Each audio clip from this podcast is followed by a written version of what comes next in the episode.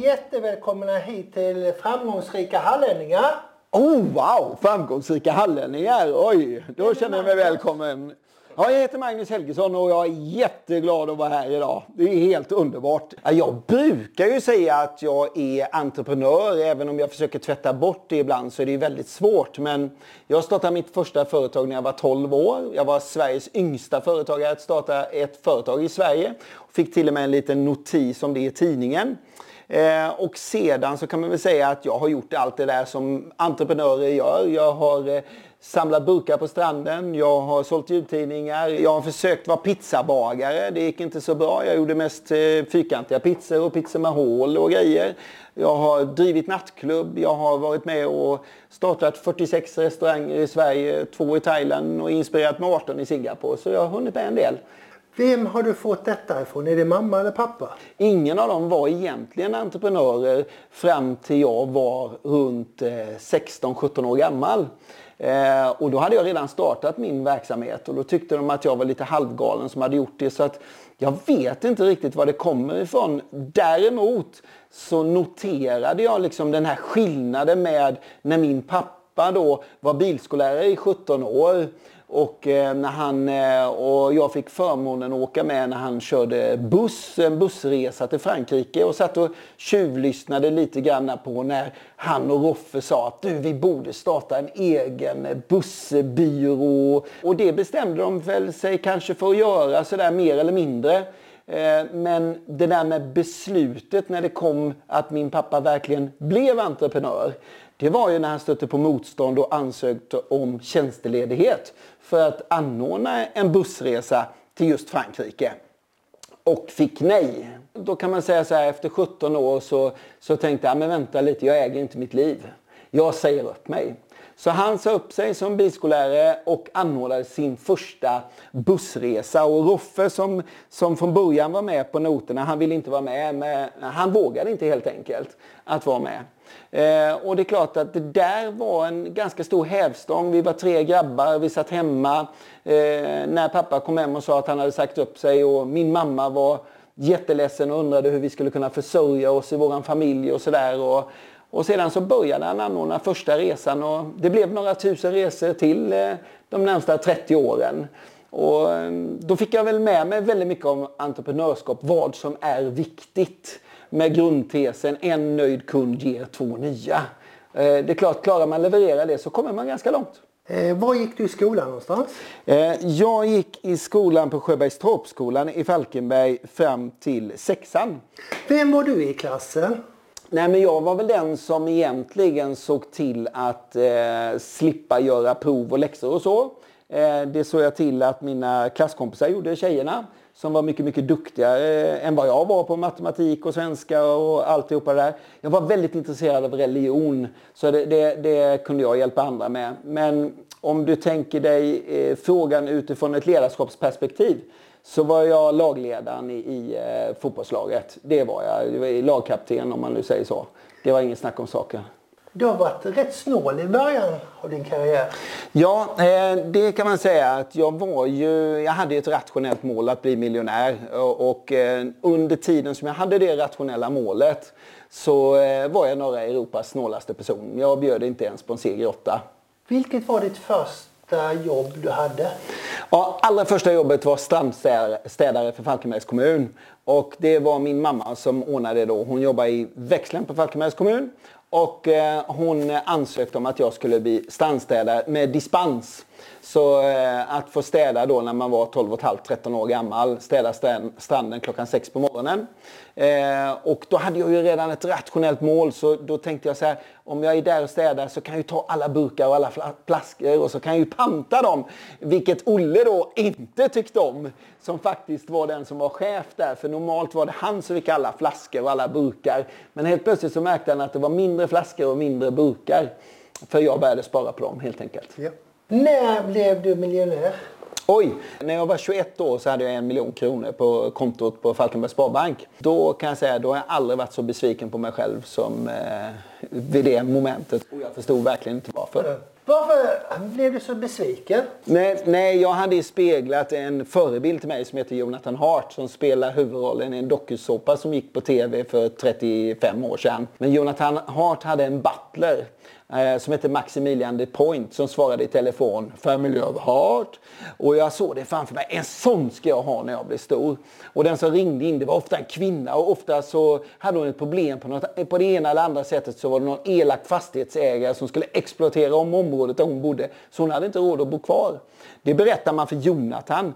Då sprang Jonathan iväg till sin helikopter och flög iväg. Flopp, flopp, flop, flopp, flopp, landade, gick ut, hjälpte den här kvinnan hur lätt som helst. Flög tillbaka hem igen, flopp, flopp, flopp, flopp, flopp, gick in mitt på blanka vardagen, öppnade en flaska champagne plopp, och skålade med sin vackra fru. Att de hade hjälpt en annan människa.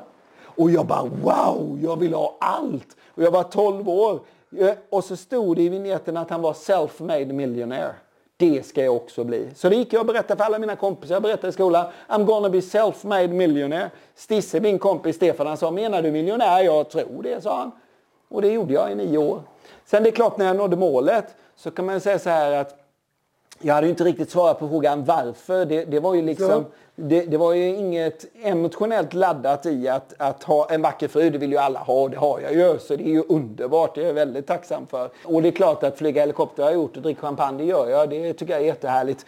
Men eh, det som eh, egentligen Jonathan gjorde det var ju det som gick till mina mänskliga behov av att ge. Han hjälpte andra människor och det hade inte jag gjort. Och där kom ju den stora besvikelsen. Där kommer, men vänta lite, jag har inte hjälpt några andra människor. Jag är ju några Europas snålaste person. Jag har ju bara räknat mina pengar varje dag. 236 489 kronor. Och sen nästa dag så hade jag fått in 15 spänn till. Och så nästa dag så sålde jag någonting och tjänade 500 kronor. Och så, dött, dött, dött, och så når jag målet. Sen, vad hände nu liksom? Varför är jag så besviken på mig själv? Men jag har inte hjälpt andra människor. Så jag fattade ju ett beslut då, ska man ha klart för sig, eh, att det är i första rummet. Att hjälpa människor. Sen gick du in i restaurangbranschen. Just det ja. Mitt första jobb som jag sökte var på en pizzeria i Falkenberg. På det som kallas Gamla Grottan och Skriabaren där Ocean ligger idag. Jag frågade, har ni något jobb till mig här? Och Ulf då som jag träffade, han sa, vad kan du då? Och då sa jag, jag kan allt, bara du lär mig. Och sen hamnade jag i pizzerian. Då var jag ju 14 år gammal och, och helt plötsligt stod jag och blandade tomatsås och, och undrade hur mycket svartpeppar och hur mycket salt ska man ha i, i, i den här tomatsåsen och hur mycket basilika ska det vara för att den ska smaka bra. Och så fick jag liksom, där började någonting liksom i, i mitt liv och med rätt attityd kan man väl säga att, att vara 45 minuter innan jobbet börjar och sedan säga att jag tar vilket jobb som helst. Det spelar ingen roll vad det är. Så jag hamnar ju mycket i disken naturligtvis. Men det är ett väldigt bra jobb att, att stå i disken. Eh, och sedan hamnar jag i kallskänken, sedan hamnar jag i köket och sedan så hamnar jag i baren. Och sedan så hamnade jag i garderoben och sen fick jag plocka glas på nattklubben. Och sen, ja, sen rullade det på. Helt plötsligt så, ja, så, så var jag inne i restaurangbranschen på något sätt. Eh, hur kom du in i Harris? Oj, kom in i Harris. Det ska jag inte säga att jag gjorde. Utan eh, den frågan den hade jag formulerat om om jag var dig. Men, eh,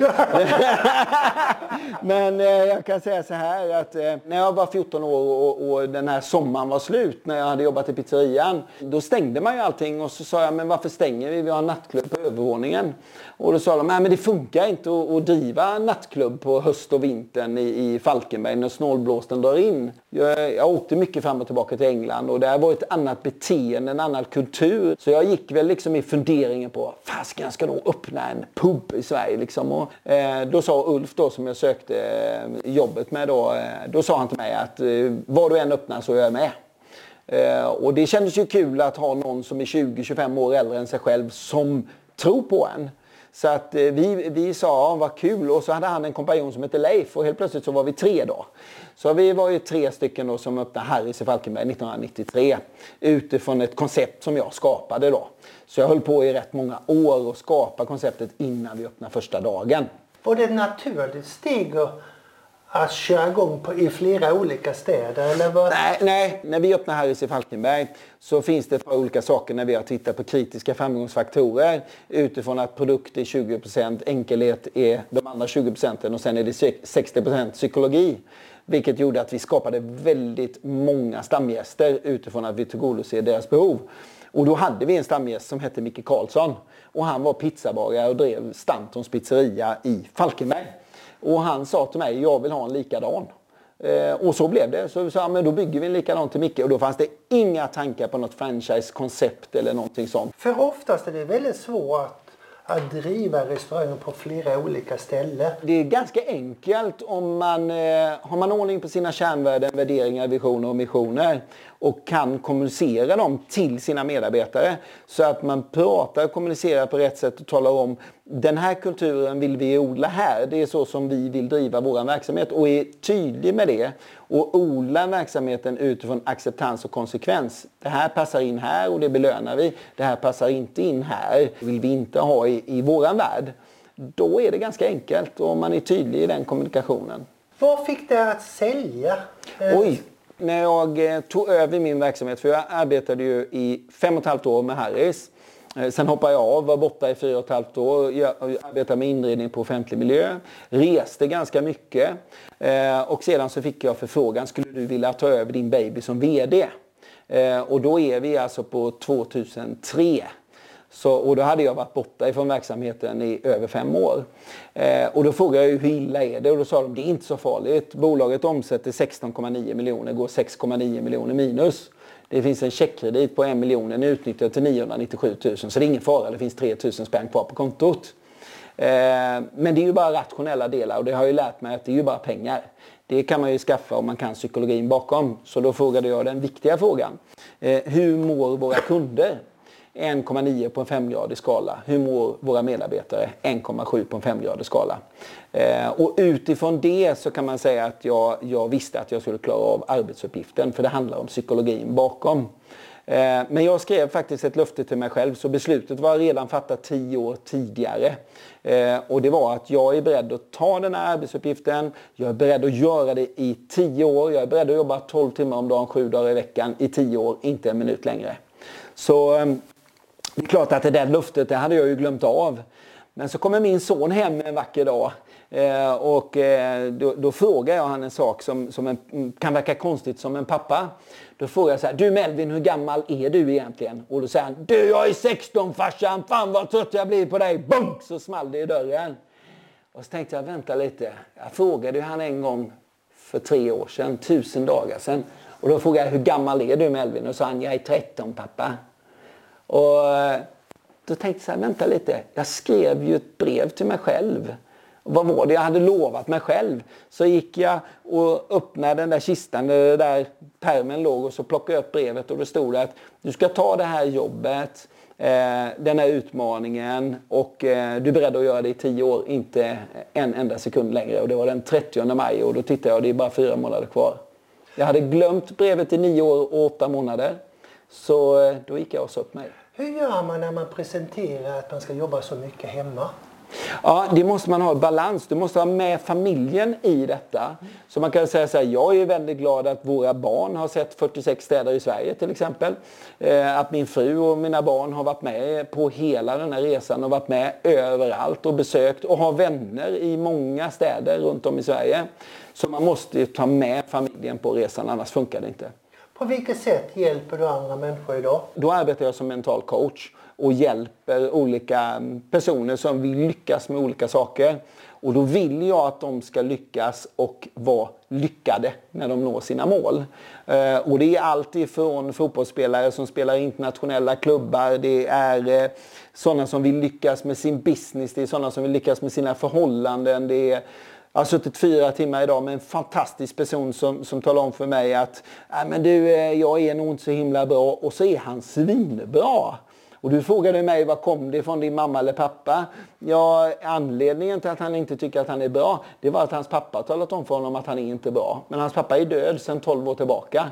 Han kan ju skita i det nu och använda sina kompetenser för att lyckas skapa det som han kan skapa. Och det gillar jag när man bryter igenom. När man verkligen liksom, ja men använd all, alla de här verktygen. Allting finns inom dig. Det är bara att sortera ut det och så gå all in. Sen älskar jag när de skickar ett brev ett år senare och säger du jag gjorde som du sa. Och det funkar. Har du många sådana brev? Ja. Det har jag. De svarar jag på. Du har skrivit en hel del böcker. Ja. Hur kommer man på det? Du, första boken skrev jag, jag var på Fiji och var hemma hos Tony Robbins och jag har rest med Tony i 24 länder. Eh, vi satt och han ville veta lite mer om mig. Så jag berättade lite mer om mig och sen så säger han så här, skriv en bok annars tar de det ifrån dig. Och jag fattade inte vad han menade då, men jag fattar definitivt vad han menar idag. Min första bok som jag skrev, 0 till 700 miljoner, Vägen till månen. Som också då, jag skrev egentligen till mina medarbetare och mina franchisetagare. Den skulle inte säljas överhuvudtaget. Men det såldes ju 10 000 böcker på Alibris och Akademibokhandeln. Innan jag stoppade den och gav ut den gratis. För att det var ingen bok som, som jag skrev för att säljas utan det var en bok som jag skrev för att ge bort. Jag tror ju på att det är någon mening med allting som händer i livet. För att när jag landade så var jag i Sverige och så öppnade jag upp Dagens Industri och så stod det om en förläggare som heter Max Söderpalm. Eh, någon jävla säljcoach-aktig som gapar och skriker sälj, sälj, sälj. Men det stod att han var bokförläggare och han får ut sådana här böcker. Så jag ringde upp honom och sa, du jag har skrivit en bok eh, och jag tänkte du kunde ge ut den. Och då sa han till mig, vem tror du att du är? Det är så många som frågar efter. Ja men min bok är jävligt bra, så jag. Så jag, jag, gjorde det man inte ska göra. Jag skickade hela manus och hela boken till honom. Eh, skriven i min iPad och sen ringde han fyra timmar senare och sa han, du den är skitbra, den ger vi ut. Är du religiös? Ja, till ganska stor del är jag det. Jag tror på att det finns någonting i alla fall. Jag tror på att det finns en gud, definitivt. Eh, vi var ju tre grabbar och vi slogs ju hela tiden så det var jävligt jobbigt att ha oss eh, tillsammans. Eh, och då kan man säga att då, då fick eh, Anders och Krippa, mina två bröder, de fick vara hos farmor och farfar i Smålandstena och så fick jag vara hos mormor i Hyltebruk då. Eh, och, och det där pratar vi mycket om, liksom att allting börjar med tro. Eh, fick också liksom mycket kunskaper utifrån eh, första organet som skapas i kroppen med hjärtat och hur det vrids i 365 grader och bildar höger och vänster kammare och efter 21 dagar så manifesterade liv genom att slå sitt första slag, dunk, genom att pumpa runt sitt eget blod. Och då kan man ju fundera på var kommer det slaget ifrån? Mm. Sen blev du nominerad till Årets talare. Ja, det har jag varit några gånger. Och det är klart, då får man lära sig att disciplinera sin besvikelse när man inte blir det. Eh, och när man förstår eh, liksom hur systemet fungerar och sådär. Och du sitter och de räknar upp dina score och hit och dit och så får någon annan priset. Men det, det har jag lärt mig mycket av. Jag satt i publiken i, och var helt övertygad om att jag skulle få priset. Eh, dessutom var det mitt index de läste upp eh, och talade om där 4,87 och så jag var helt säker. Ja, nu ska jag bara resa mig upp och så var det någon annan som fick priset så burrade till i min telefon eh, precis liksom i besvikelsen och så, så kom det ett sms från Tony Robbins och då skrev han du vet väl vad jag har sagt till dig, lär dig att disciplinera din besvikelse. Då hade han koll på att jag satt i lilla Sverige på Berns och skulle ta emot ett pris och att jag inte skulle få det. Blir man tuffare med åren eller, och hårdare? Eller hur? Nej, jag skulle säga mjukare och blödigare.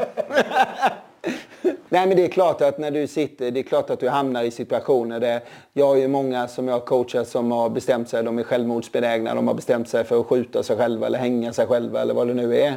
Och det är klart att de situationerna lär du dig hantera. Sen om man är hård för det, det, det, det, får man ju tolka som man vill. Men, men det, jag tror att det är viktigt att man, om man ska ge sig på att göra det som jag och vissa människor gör, liksom att, att verkligen ta det coaching till en annan nivå. Eh, så, så, måste man nog lära sig att agera utifrån en karta som man skapar utifrån erfarenheter. Jag, jag brukar faktiskt säga att jag lyssnar aldrig på någon som inte har gjort resan själv. Det, det, det, bland det värsta jag vet är föreläsare som är ute och föreläser och de har läst en bok och ska tala om för andra människor vad de ska göra. Eh, utan det, det, jag vill gärna veta vad har du själv gjort liksom, när, du, när du manifesterar det du talar om, den här erfarenheten. Hur, hur kommer det sig att du har den här erfarenheten?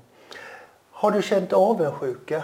Du menar så här, vem tror han han är? Ja. Eller så här, ja, ja, nej. Jag brukar säga att det är aldrig lätt att bli profet i sin egen stad. Det brukar jag ju säga. Eh, och det, det, är klart, det säger man ju också som ett uttryck. Men eh, nej, jag har aldrig känt det. Har du några svagheter? Uff, massa svagheter. Herregud. Hur lyckas man med ett äktenskap? Eh, där tror jag att man får vara väldigt ödmjuk eh, utifrån att eh, man har olika behov. Och man behöver liksom inte älska varandra liksom Eh, 100% hela tiden. Utan det kan vara så att man älskar varandra 70-90% eh, vissa dagar och sådär. Men jag brukar ju säga så här, och speciellt när man har barn tillsammans, att, att, att den bästa uppfostran man kan ge ett barn det är att älska deras mor. Så, men det är klart att man måste också ha väldigt mycket tålamod i ett förhållande. Och just tålamod, just ordet tålamod är ju ett av de allra viktigaste orden i coaching också. Det är ju uppdelat i två. Tåla och ha mod och genomföra, mod att säga.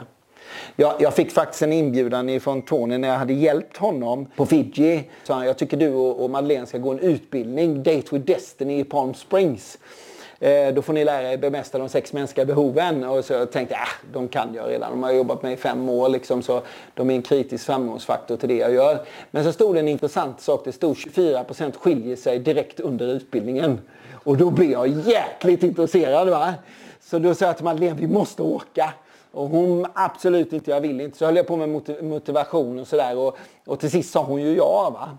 Och då tänkte jag eftersom jag har fått detta av Tony så kan jag ju bjuda min kompis Thomas då, Enhager, Kjelles brorsa. Och vi jobbade ju mycket tillsammans. Så, så jag ringde Thomas och sa du jag bjuder dig och Lena, vi åker till Palm Springs. Och, och så är det en utbildning i Date with Destiny. Det, man får bara åka i par och det är jävligt intressant sådär va.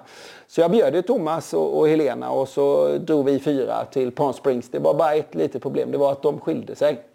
Det kan jag säga, det var det bästa som, som har hänt. De, Thomas har ju då träffat en ny och är jävligt lycklig och samma med Helena. Eh, och det som var med utbildningen det var att eh, du fick lära dig bemästra de sex mänskliga behoven. Och om du inte matchar med tre då är det ingen idé att fortsätta i förhållandet. Du verkar ha hunnit med mycket i livet. Vad är det för andra mål som du vill hinna med?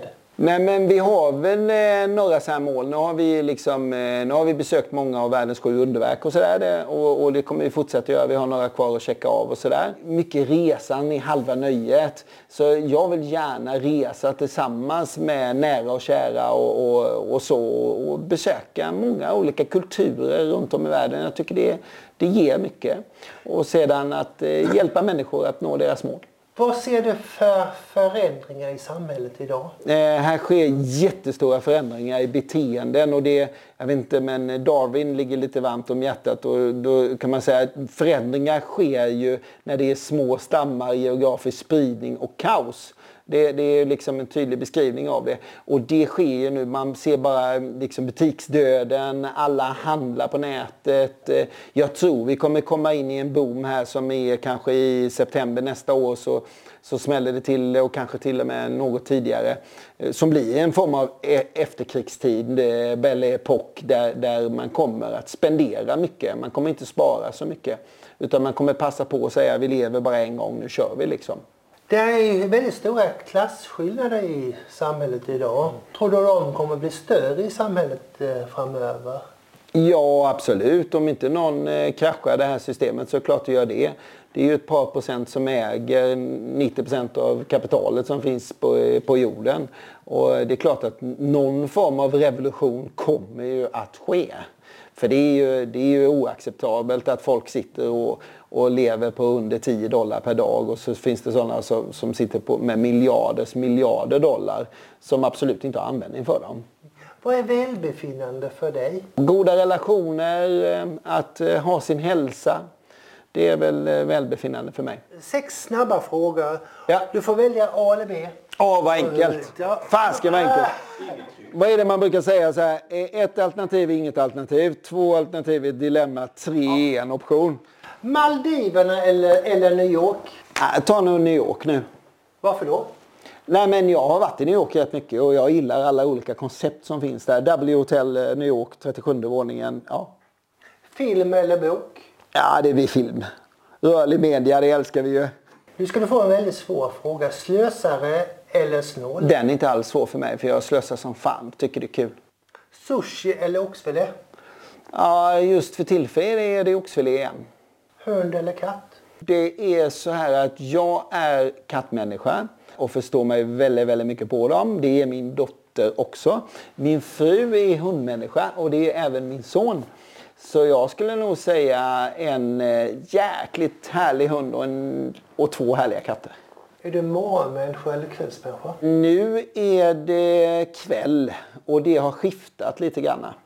Men nu har det blivit kväll när det har varit mycket Falkenberg och så. Och mycket förberedelse. Nu är, det ju, nu är alla föreläsningar digitala. Och när det är knäpptyst och klockan är tre på natten då är det rätt bra att sätta ihop den här presentationen. Jag vill tacka dig Magnus att du har tagit dig tid och vara med på vår podd. Det har varit ett glädje att få hålla med på denna podden. Wow! Tid är vår värdefullaste tillgång, eller hur? Tack själv. Underbart. Tack. Tack så mycket. Tack.